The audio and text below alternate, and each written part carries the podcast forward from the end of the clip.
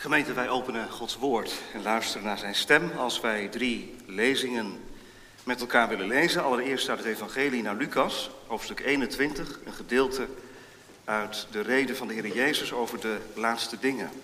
Lucas 21, vers 34 tot en met 36.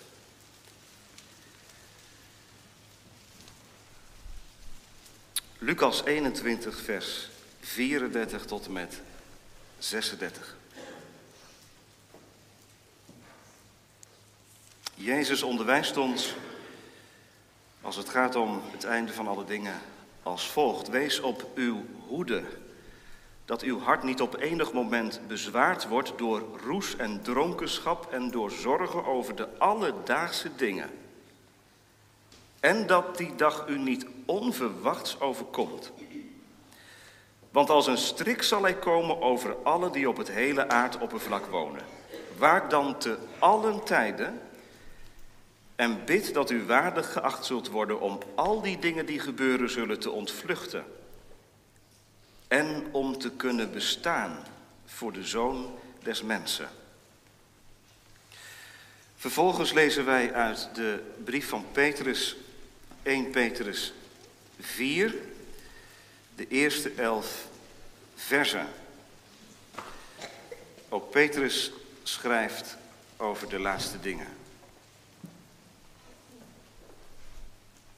1 Petrus 4, vers 1 tot en met 11. Wel nu, omdat Christus voor ons in het vlees geleden heeft, moet ook u zich wapenen met dezelfde gedachte. Wie in het vlees geleden heeft, is opgehouden met de zonde. Om nu in de tijd die ons nog overblijft in het vlees, niet meer naar de begeerte van mensen, maar naar de wil van God te leven. Want we hebben de voorgaande tijd van ons leven lang genoeg de wil van de heidenen gedaan en gewandeld in uitingen van losbandigheid, begeerten, dronkenschap, zwelgpartijen, drinkgelagen en allerlei walgelijke afgoderij. Daarbij bevreemdt het hun dat u niet meeloopt in dezelfde uitbarsting van losbandigheid. En zij belasteren u. Maar zij zullen rekenschap moeten afleggen aan hem die gereed staat om de levenden en de doden te oordelen. Want daartoe is aan de doden het evangelie verkondigd opdat zij wel geoordeeld werden naar de mens in het vlees, maar ook zouden leven naar God in de geest. En het einde van alle dingen is nabij. Wees daarom bezonnen en nuchter in de gebeden, maar heb voor alles vurige liefde voor elkaar.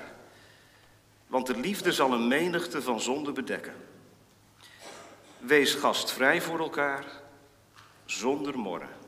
Laat ieder de anderen dienen met de genadegaven zoals hij die ontvangen heeft, als goede beheerders van de veelsoortige genade van God. Als iemand spreekt, dan als iemand die de woorden van God spreekt.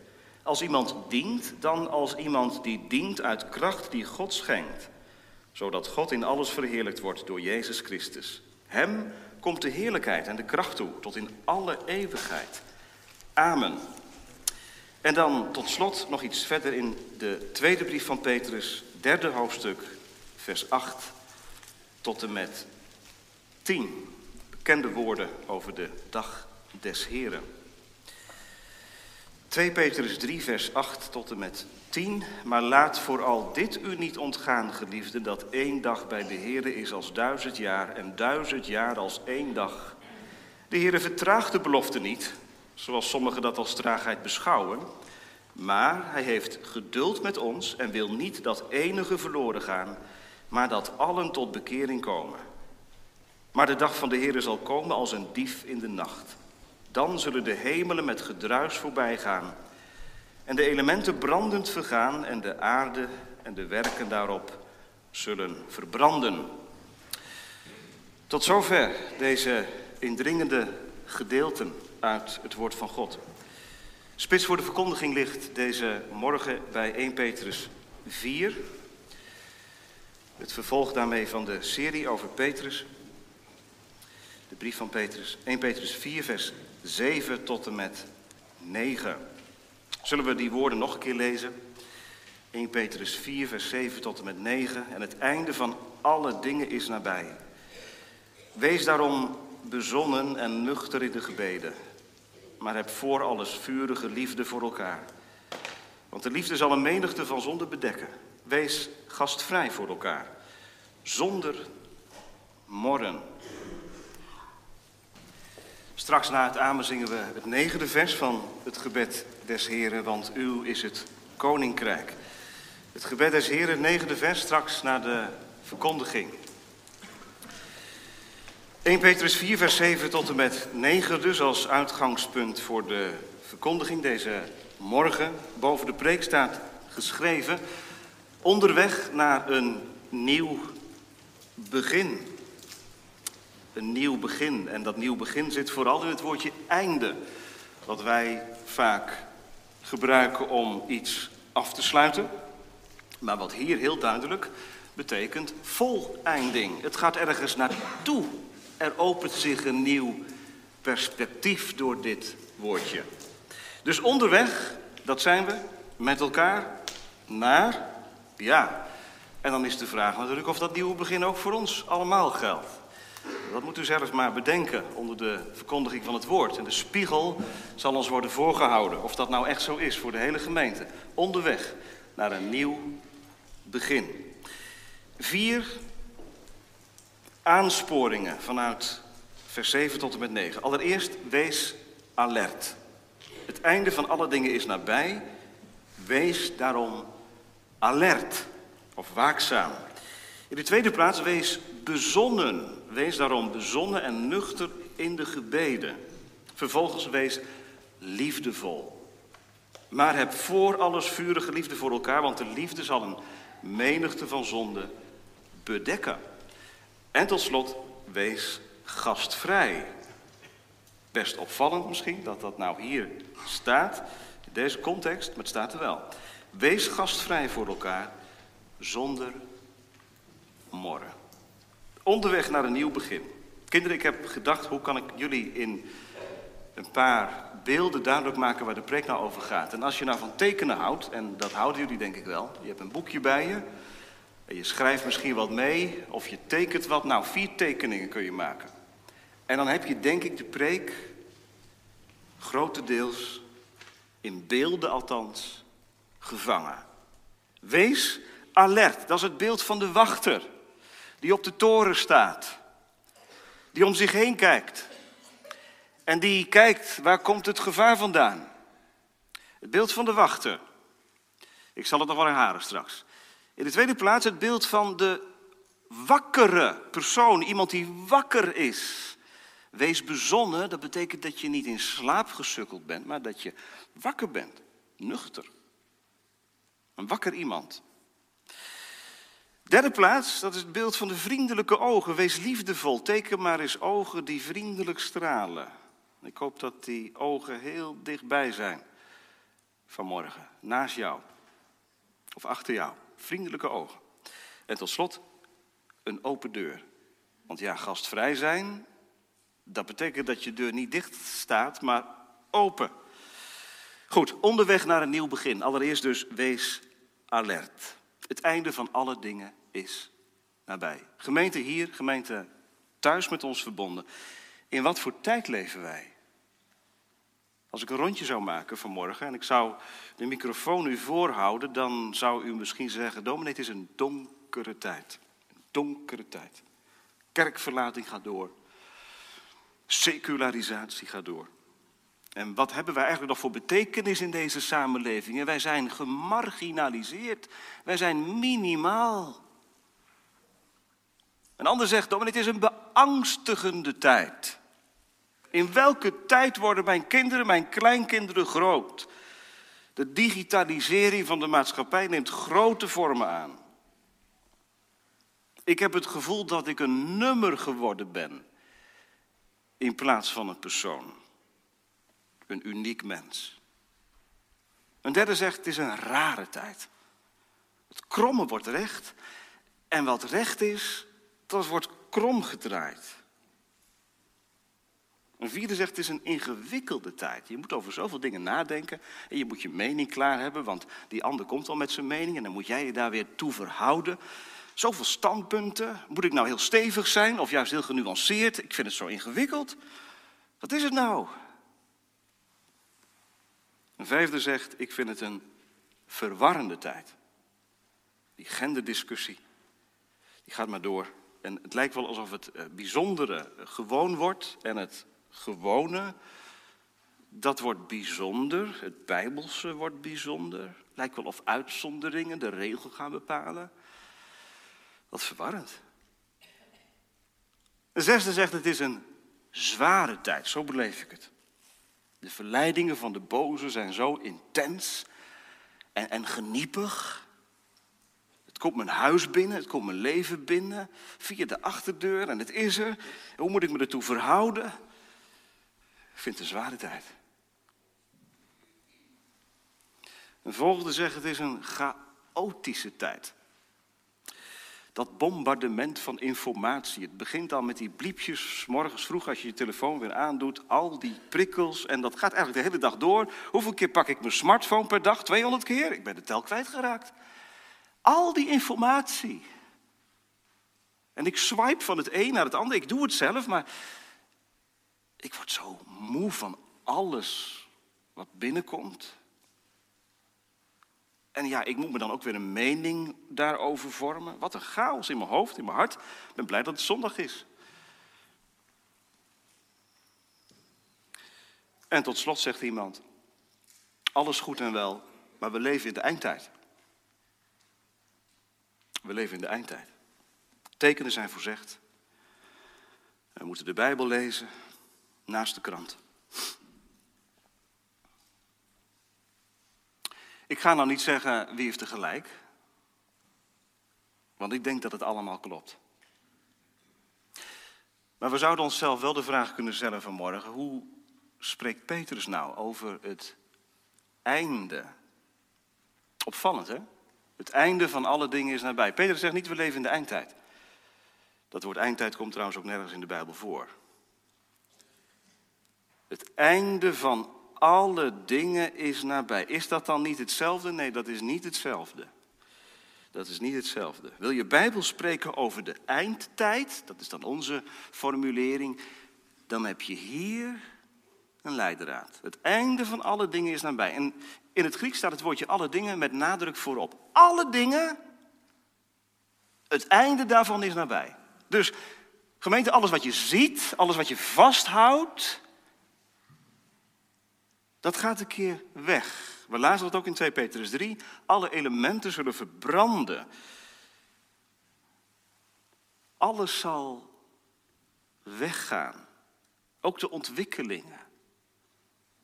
Die beangstigende ontwikkelingen. Het einde van alle, alle dingen is nabij. En Petrus bedoelt dat heel hoopvol. Hoopvol, niet bangmakerig, Oh, het einde van alle dingen is nabij. Het doel, zegt hij van alle dingen, de telos, het doel van alle dingen is nabij.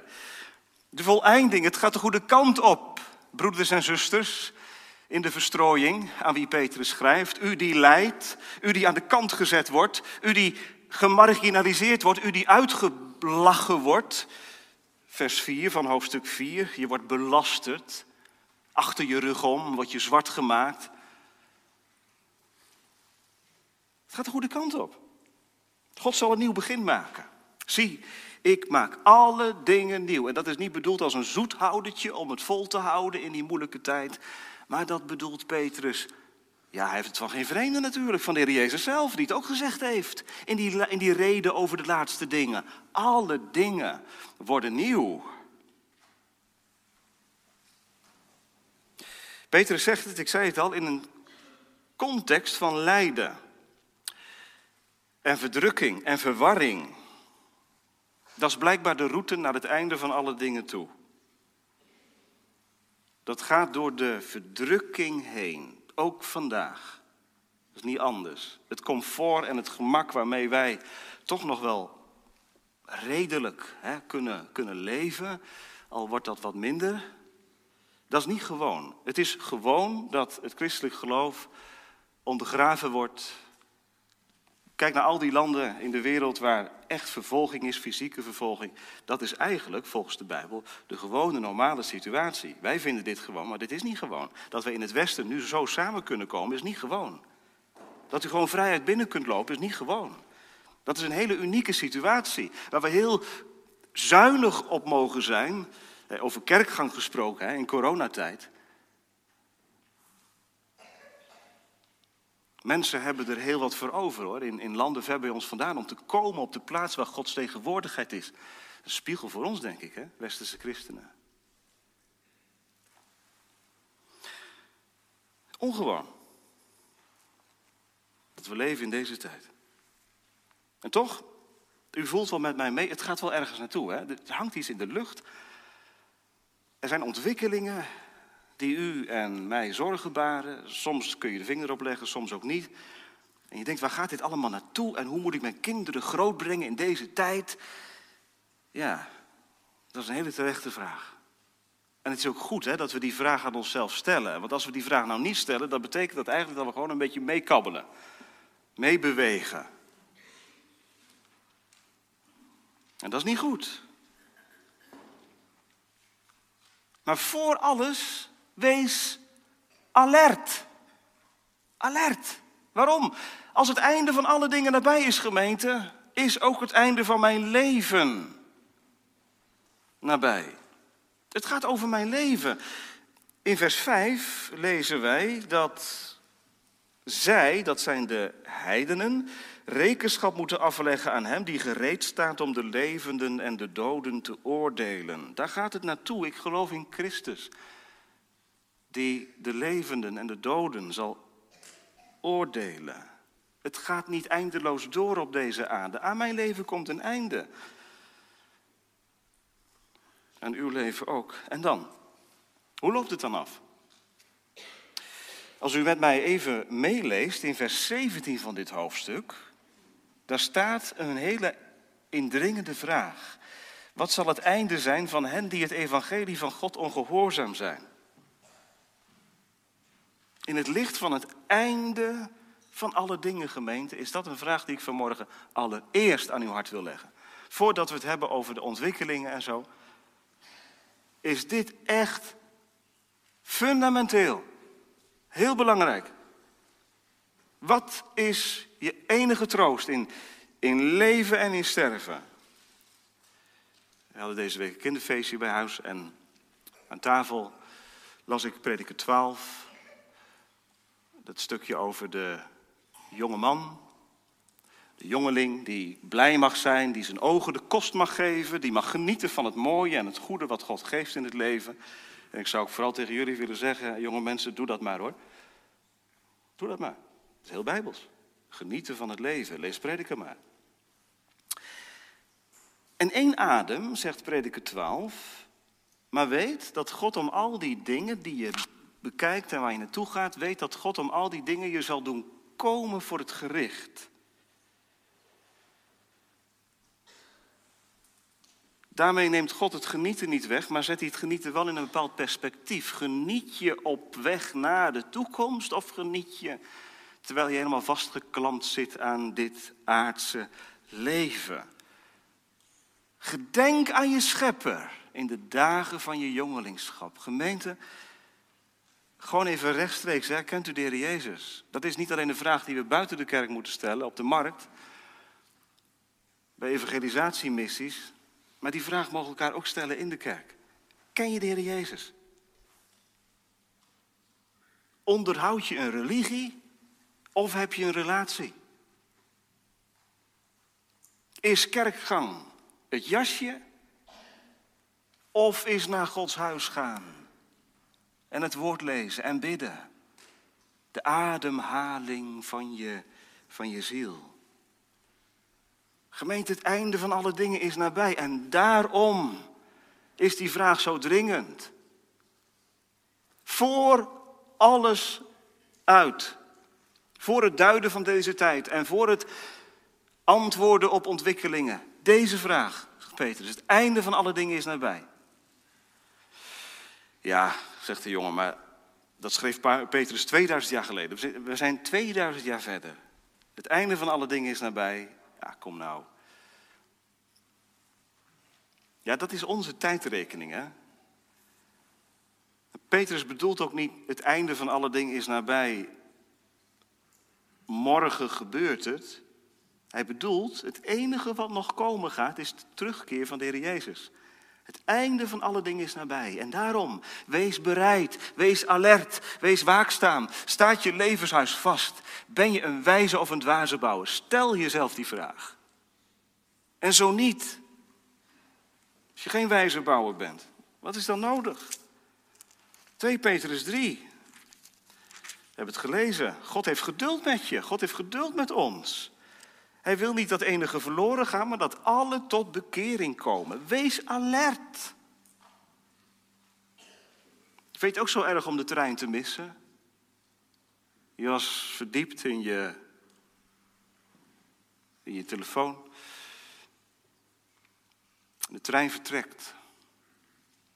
Nou ja, kwartier wachten. Het is jammer, maar het is niet anders. Maar dat is met de wederkomst anders, gemeente. Dan is het niet, nou ja, jammer dan. De volgende trein. Nee. Het is eens of niet weer. Eén dag is in Gods ogen als duizend jaar. Laten we niet denken en meedoen met hen die zeggen, ja, duurt al zo lang, klopt het wel? Het is geduld. Het is geduld. Het is geen traagheid einde van alle dingen is nabij. Zoek je heil in de Heer Jezus. Hij is er van, vanmorgen ook. Echt. En dan komt je zo nabij. Dat hij voor je staat en tegen je zegt: Mijn zoon, mijn dochter, geef mij je hart. Met alles wat erin zit en niet. Geef mij je hart, want het einde van alle dingen is nabij. Nou, dat is de wachter die door alle ontwikkelingen die er gebeuren zichzelf de vraag stelt: ja, maar is mijn levenshuis gebouwd op de rots? Want je kunt overal een mening over hebben, maar als je dit niet weet, gemeente, dan ben je echt te betreuren. Het is levensgevaarlijk. Voor een christen is dit troost. Het einde van alle dingen is nabij.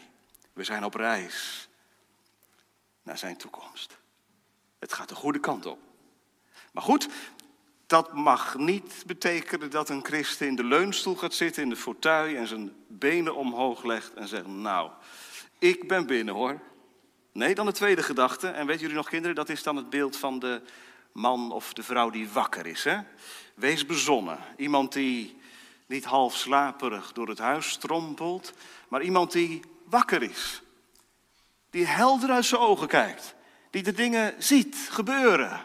Wees bezonnen. Hoe gaat het nu verder? Ja, wij kunnen niet in de toekomst kijken, gemeente.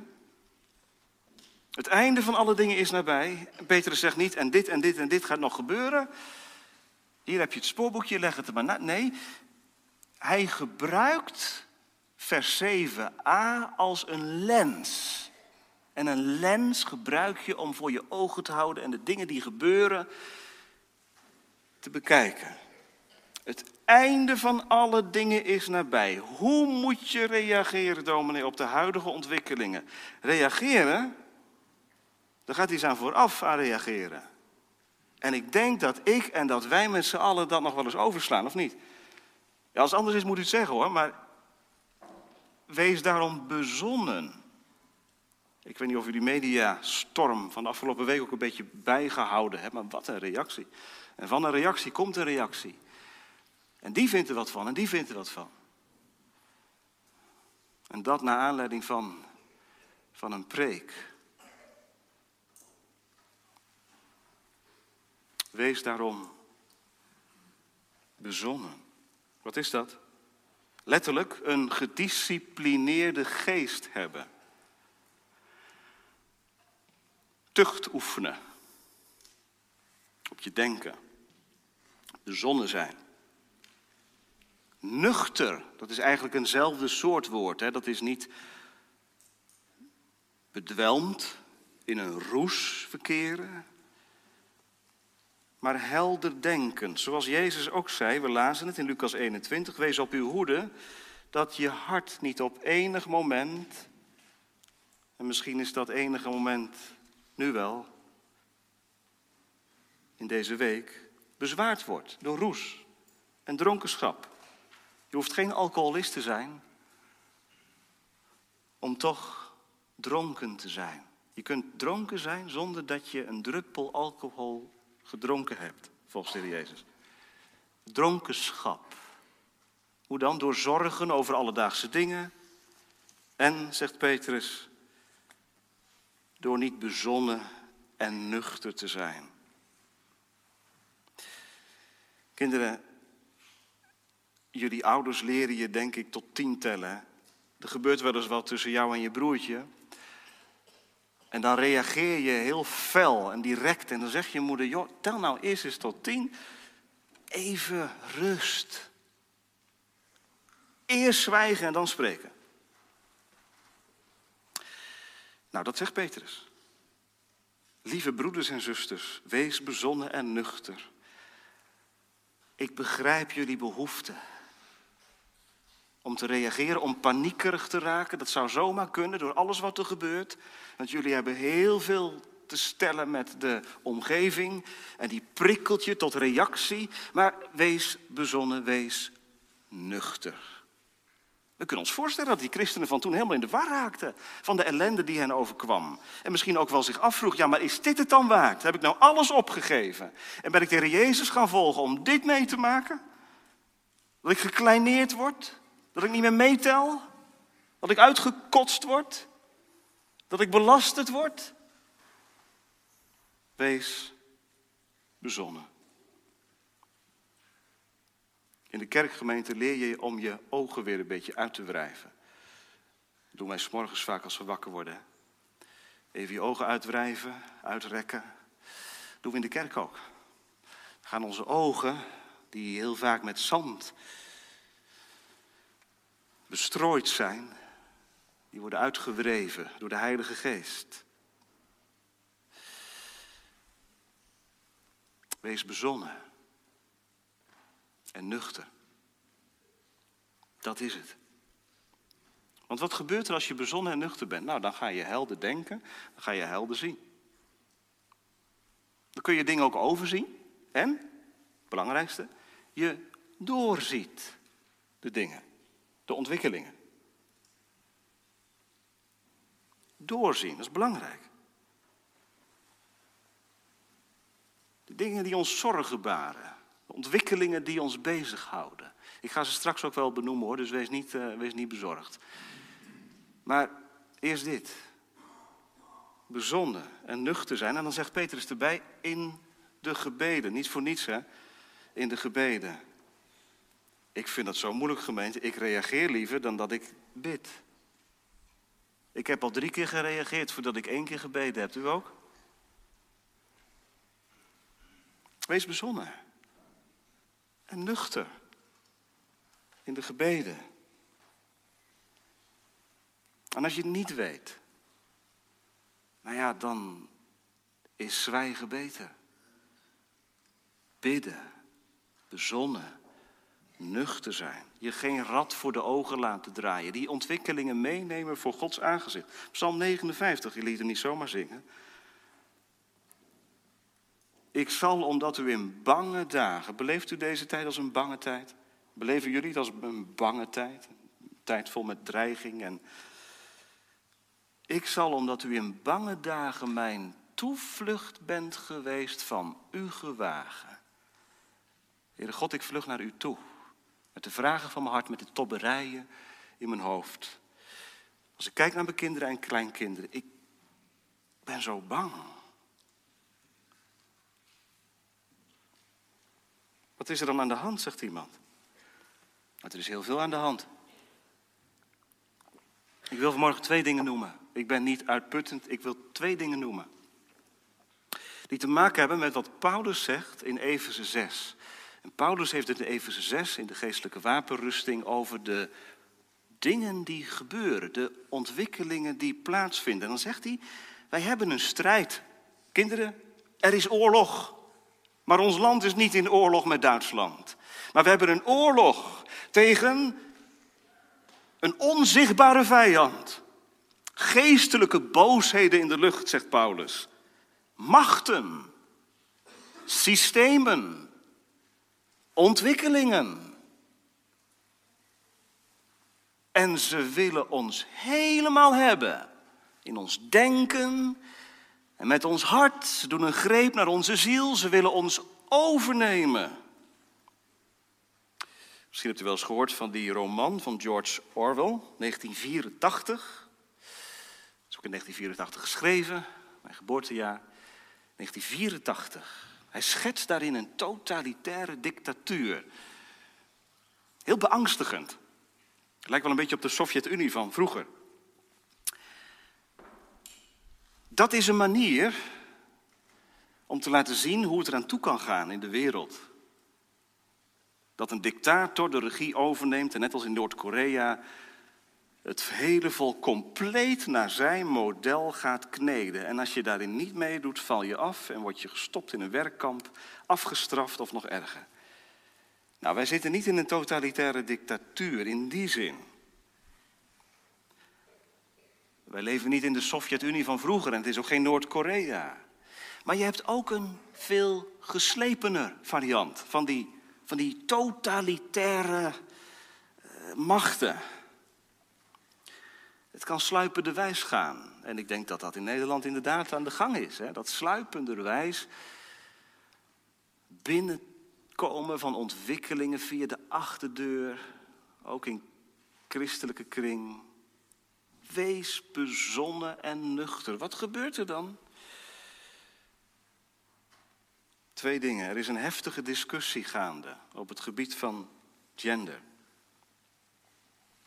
En laat ik eerst zeggen, laat ik eerst zeggen, dat de houding van een christen ten allen tijden die van compassie moet zijn, van bewogenheid. wie hier ook binnenkomt, wie hier ook binnenkomt, wat zijn verleden ook is en hoe die er ook uitziet en waar die ook mee zit. Als het goed is, vindt hij bij u en bij mij een houding van ontvankelijkheid, van openheid.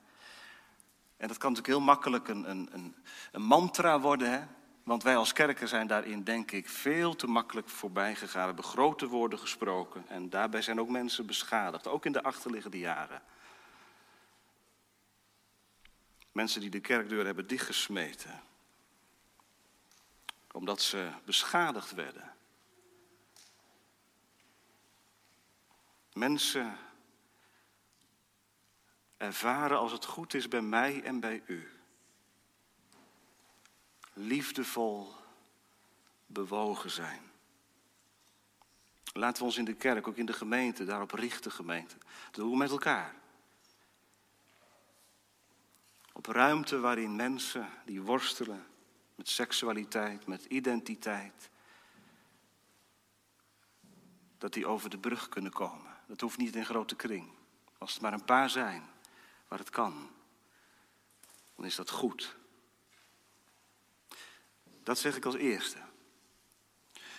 En tegelijk zeg ik ook iets anders. En dat bedoel ik met het bezonnen en nuchter zijn. Laten we tegelijk bedenken, gemeente, dat uitzonderingen geen regel kunnen worden. Er is een beweging die alle onderscheid tussen man en vrouw wil uitvagen. Die wil dat wij accepteren dat diversiteit gewoon is en normaal is. Lang levende gelijkheid. Bijbels onderscheid tussen man en vrouw. Wat is dat voor ouderwets gedoe? Jij moet denken zoals mainstream gedacht wordt. En mainstream, dat is, dat hoef ik u niet te vertellen, inmiddels niet meer bijbels denken. Wat een gekte gemeente. Lego komt met genderneutraal speelgoed. Hebt u het gelezen? Een gat in de markt. En misschien ook wel bedoeld hè, om woede voor te zijn. Want ja, stel dat je dat nou niet doet of niet wilt, dan kun je fluiten naar je winst. Bezonnenheid, nuchterheid, wat is er gaande? Al die berichtjes die binnenkomen. Het nieuws is niet neutraal. Laten we waakzaam zijn. En terugkeren naar Gods bedoelingen. Die moeten we scherp hebben. En misschien moet het daar in de preek in de komende tijd ook nog wel eens over gaan. Hè? Wat is dan Gods bedoeling? Met man en vrouw. En wat is dan een, een bijbels huwelijk? En hoe gaat dat dan en hoe werkt dat dan? Ideologie, dat is dat jij moet denken zoals iedereen denkt. En dat zullen we meer en meer gaan meemaken. En dan zegt Petrus niet, nou ja, pas je aan of ga erop af. Schreeuw van de daken wat jouw mening is. Ga er tegenin. Wees bezonnen. En wees nuchter. Dat allereerst. De tweede gemeente, wat mij ook bezighoudt, is die maakbaarheid van de samenleving. We leven in een wereld die beter wordt dan ooit.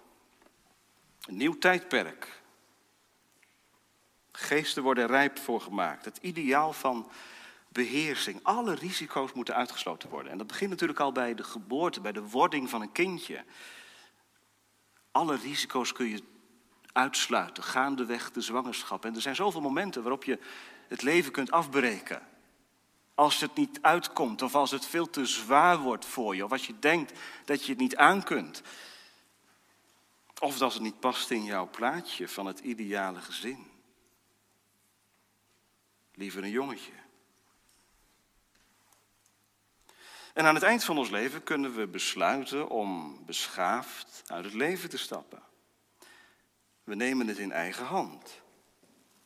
En tussendoor, van wieg tot het graf, is er de wetenschap en is er inmiddels al zoveel techniek dat jij jouw lichaam perfect, bijna perfect, kunt laten maken.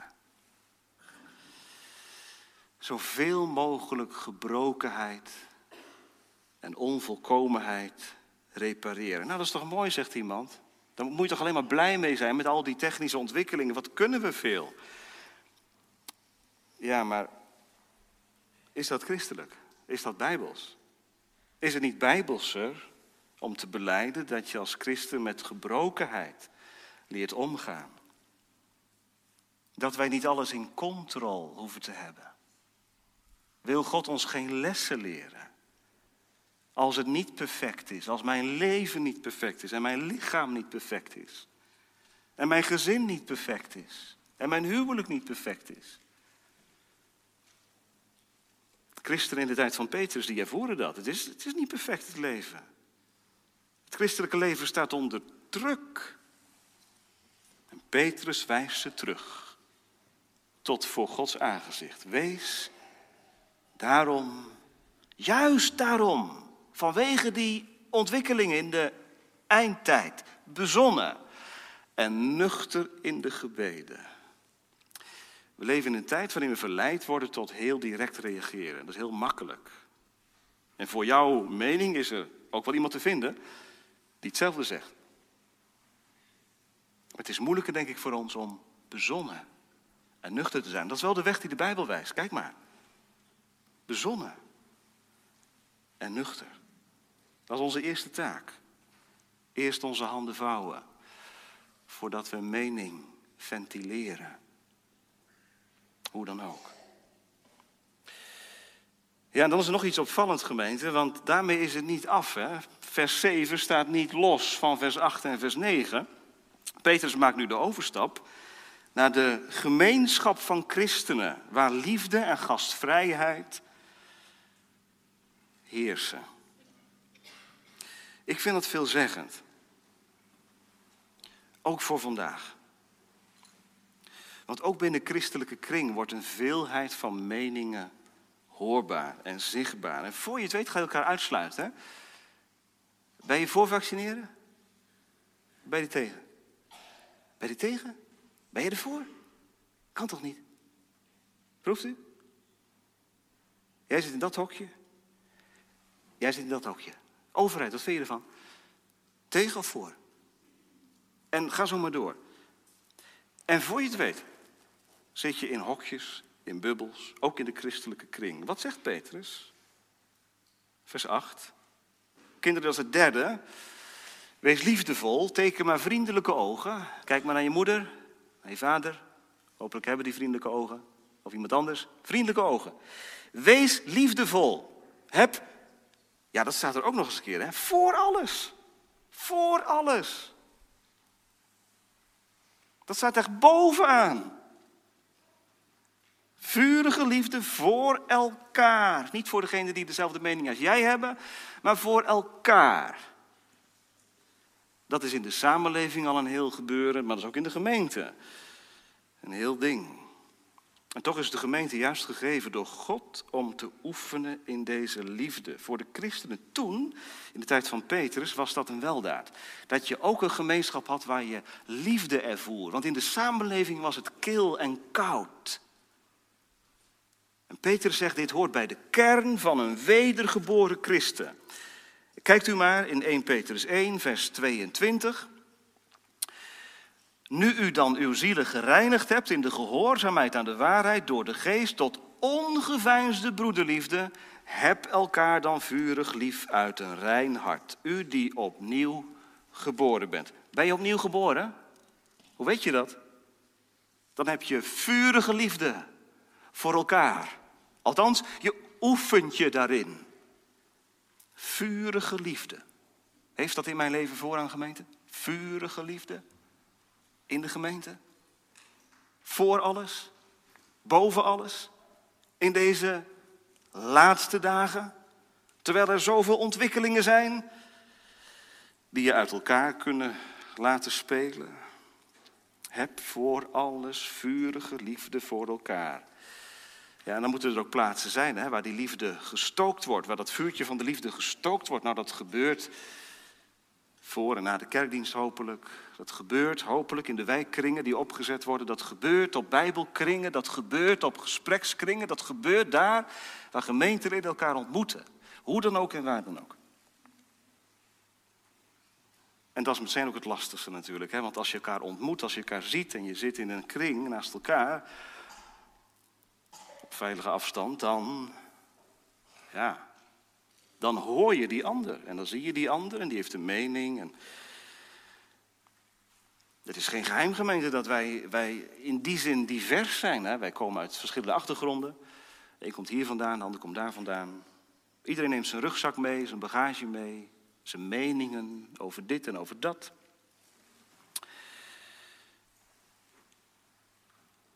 En dan één gemeente. Polarisatie is niet moeilijk. Dingen om te spits drijven is niet moeilijk. Medestanders vinden is niet moeilijk. Dit is moeilijk. Heb voor alles vurige liefde voor elkaar. Waarom is dat moeilijk? Omdat het een vrucht van de geest is.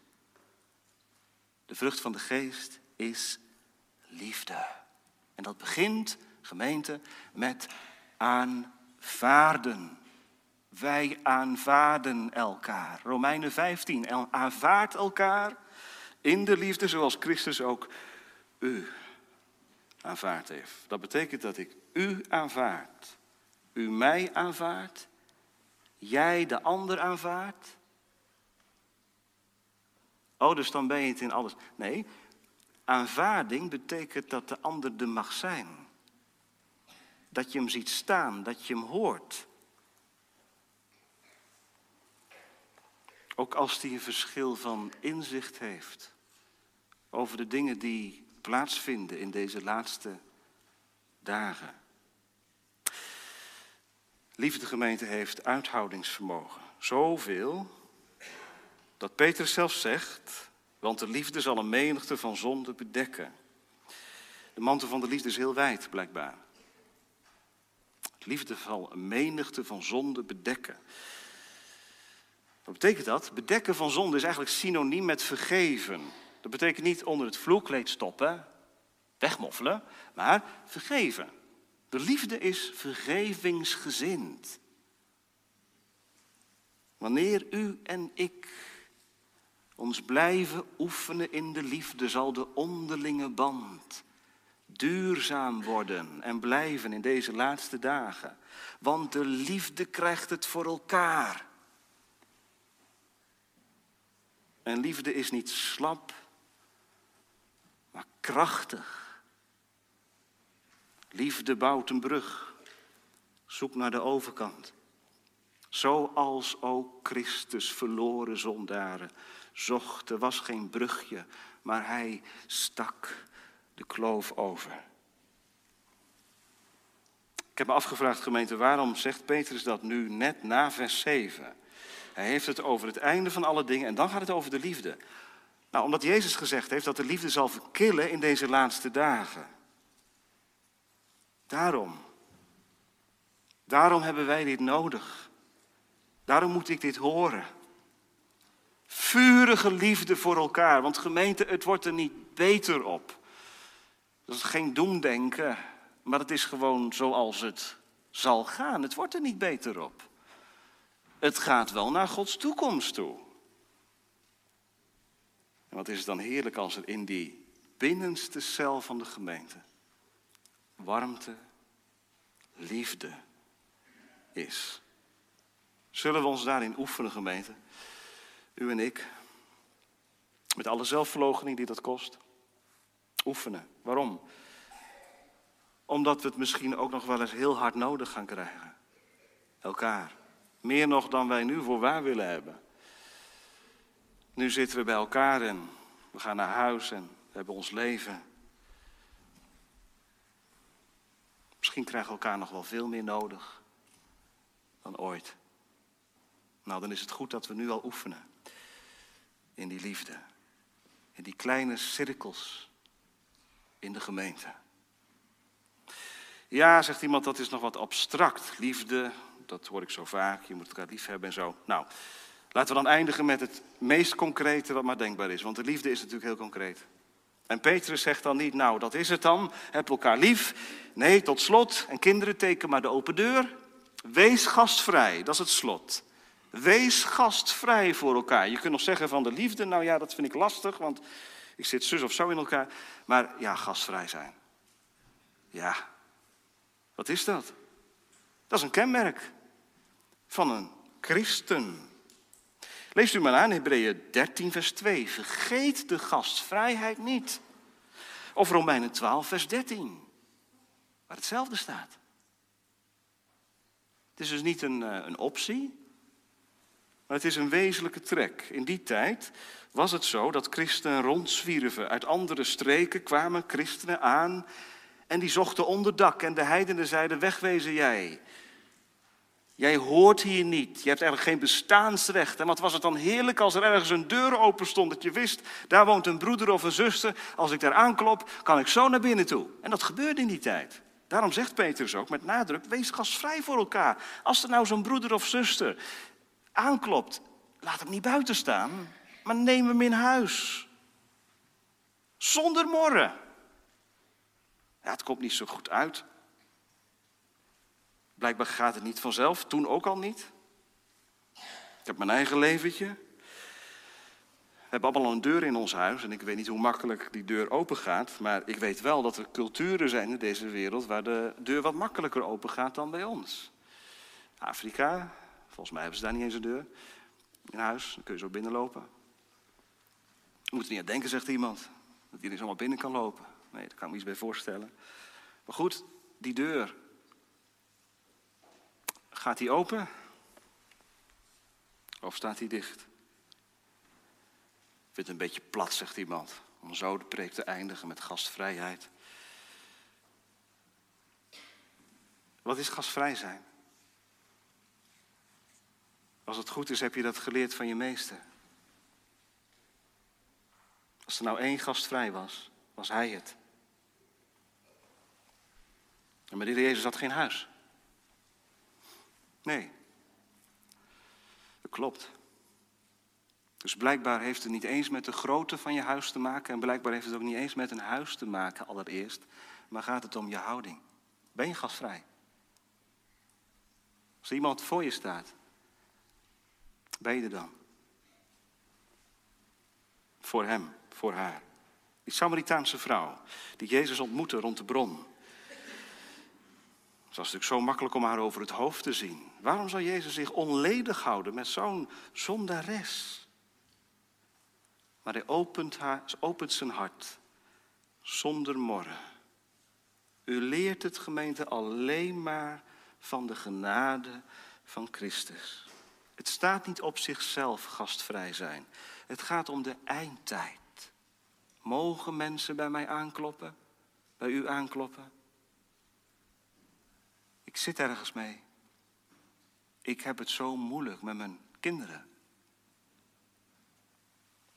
De ontwikkelingen, ik begrijp het niet meer. Mag ik er eens over praten met je? Of als je nou iets signaleert, ja, jouw leeftijdsgenoot van 18, hè, die zit met vragen. Joh, zullen we samen eens wandelen? Gewoon er eens over hebben. Gastvrij zijn. En natuurlijk is het mooi als de, als de woning open staat en als de maaltijd aangericht wordt en als mensen aan kunnen schuiven. Prachtig, mooi. Maar het begint allereerst gewoon heel eenvoudig met die ontvankelijke houding. In de eindtijd is dat nodig, want Jezus zegt niet alleen de liefde zal verkillen, maar mensen zullen liefhebbers van zichzelf worden. Gemeente, dat ligt in mijn hart en in uw hart ook op de loer. Dat we liefhebbers van onszelf worden, ook in de christelijke kring. En daarom, daarom houdt Petrus het u voor. Wees gastvrij. Nee, ik zeg het verkeerd, de Heer Jezus zelf. Zo gij dit aan een van mijn minste broeders, die meest onaanzienlijke uit de gemeente, die je eigenlijk een beetje over het hoofd ziet. Want ja, ja, hij is ook lid. Als u dit aan een van mijn minste broeders gedaan hebt, zegt Jezus, dan hebt u het aan mij gedaan. Hebt u het voor mij gedaan. Als je nou aan die zuster of die broeder een pleisterplaats biedt om uit te huilen, om de wonden van zijn ziel te tonen.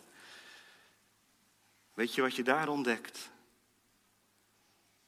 Gods koninkrijk komt. We zijn onderweg naar een nieuw begin. Lieve broeder, lieve zuster, ik snap heel goed wat je bezighoudt. En ik kan je horen, ik wil je helpen. Maar weet je, we hebben het samen uiteindelijk helemaal nodig van Hem die terugkomt. Zullen we samen Gods aangezicht zoeken? Het einde van alle dingen is nabij. Gemeente, laten we elkaar vasthouden.